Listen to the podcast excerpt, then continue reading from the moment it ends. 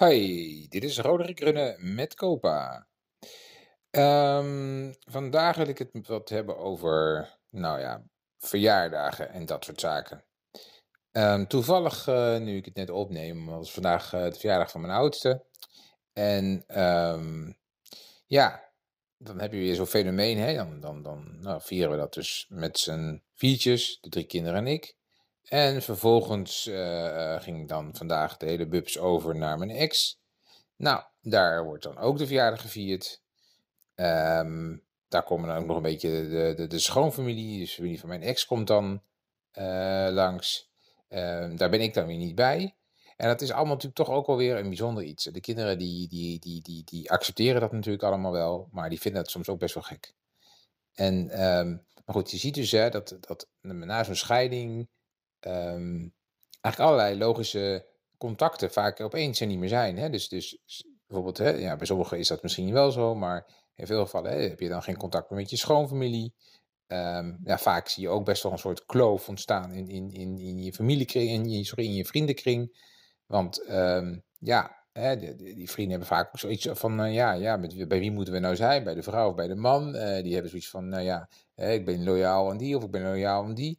Uh, er ontstaan ingewikkelde constructies. Uh, laatst hoorde ik ook uh, dat ze verjaardagen dus eigenlijk soort worden omhoog worden gedaan. Of dan dat dan de mannen naar de mannen gaan en de vrouwen naar de vrouw of zo.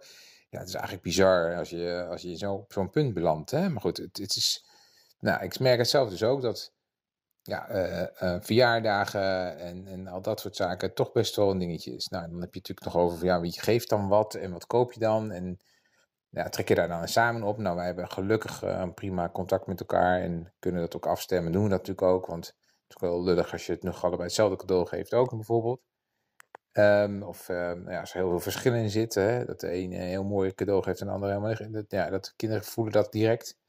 Dus uh, ik vind het wel prettig dat ik dat gewoon kan afstemmen. maar dat is ook niet in elke nou ja, gescheiden situatie natuurlijk zo.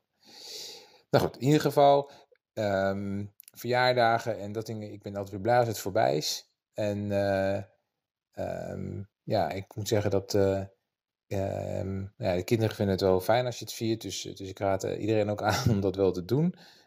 Maar ik, ik, ik denk altijd wel weer bij nou, ik zou blij zijn als ze toch wat ouder zijn, dat daar niet meer zo expliciet bij stil hoeft te staan.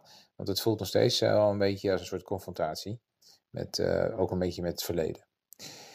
Nou, dat weer over verjaardagen.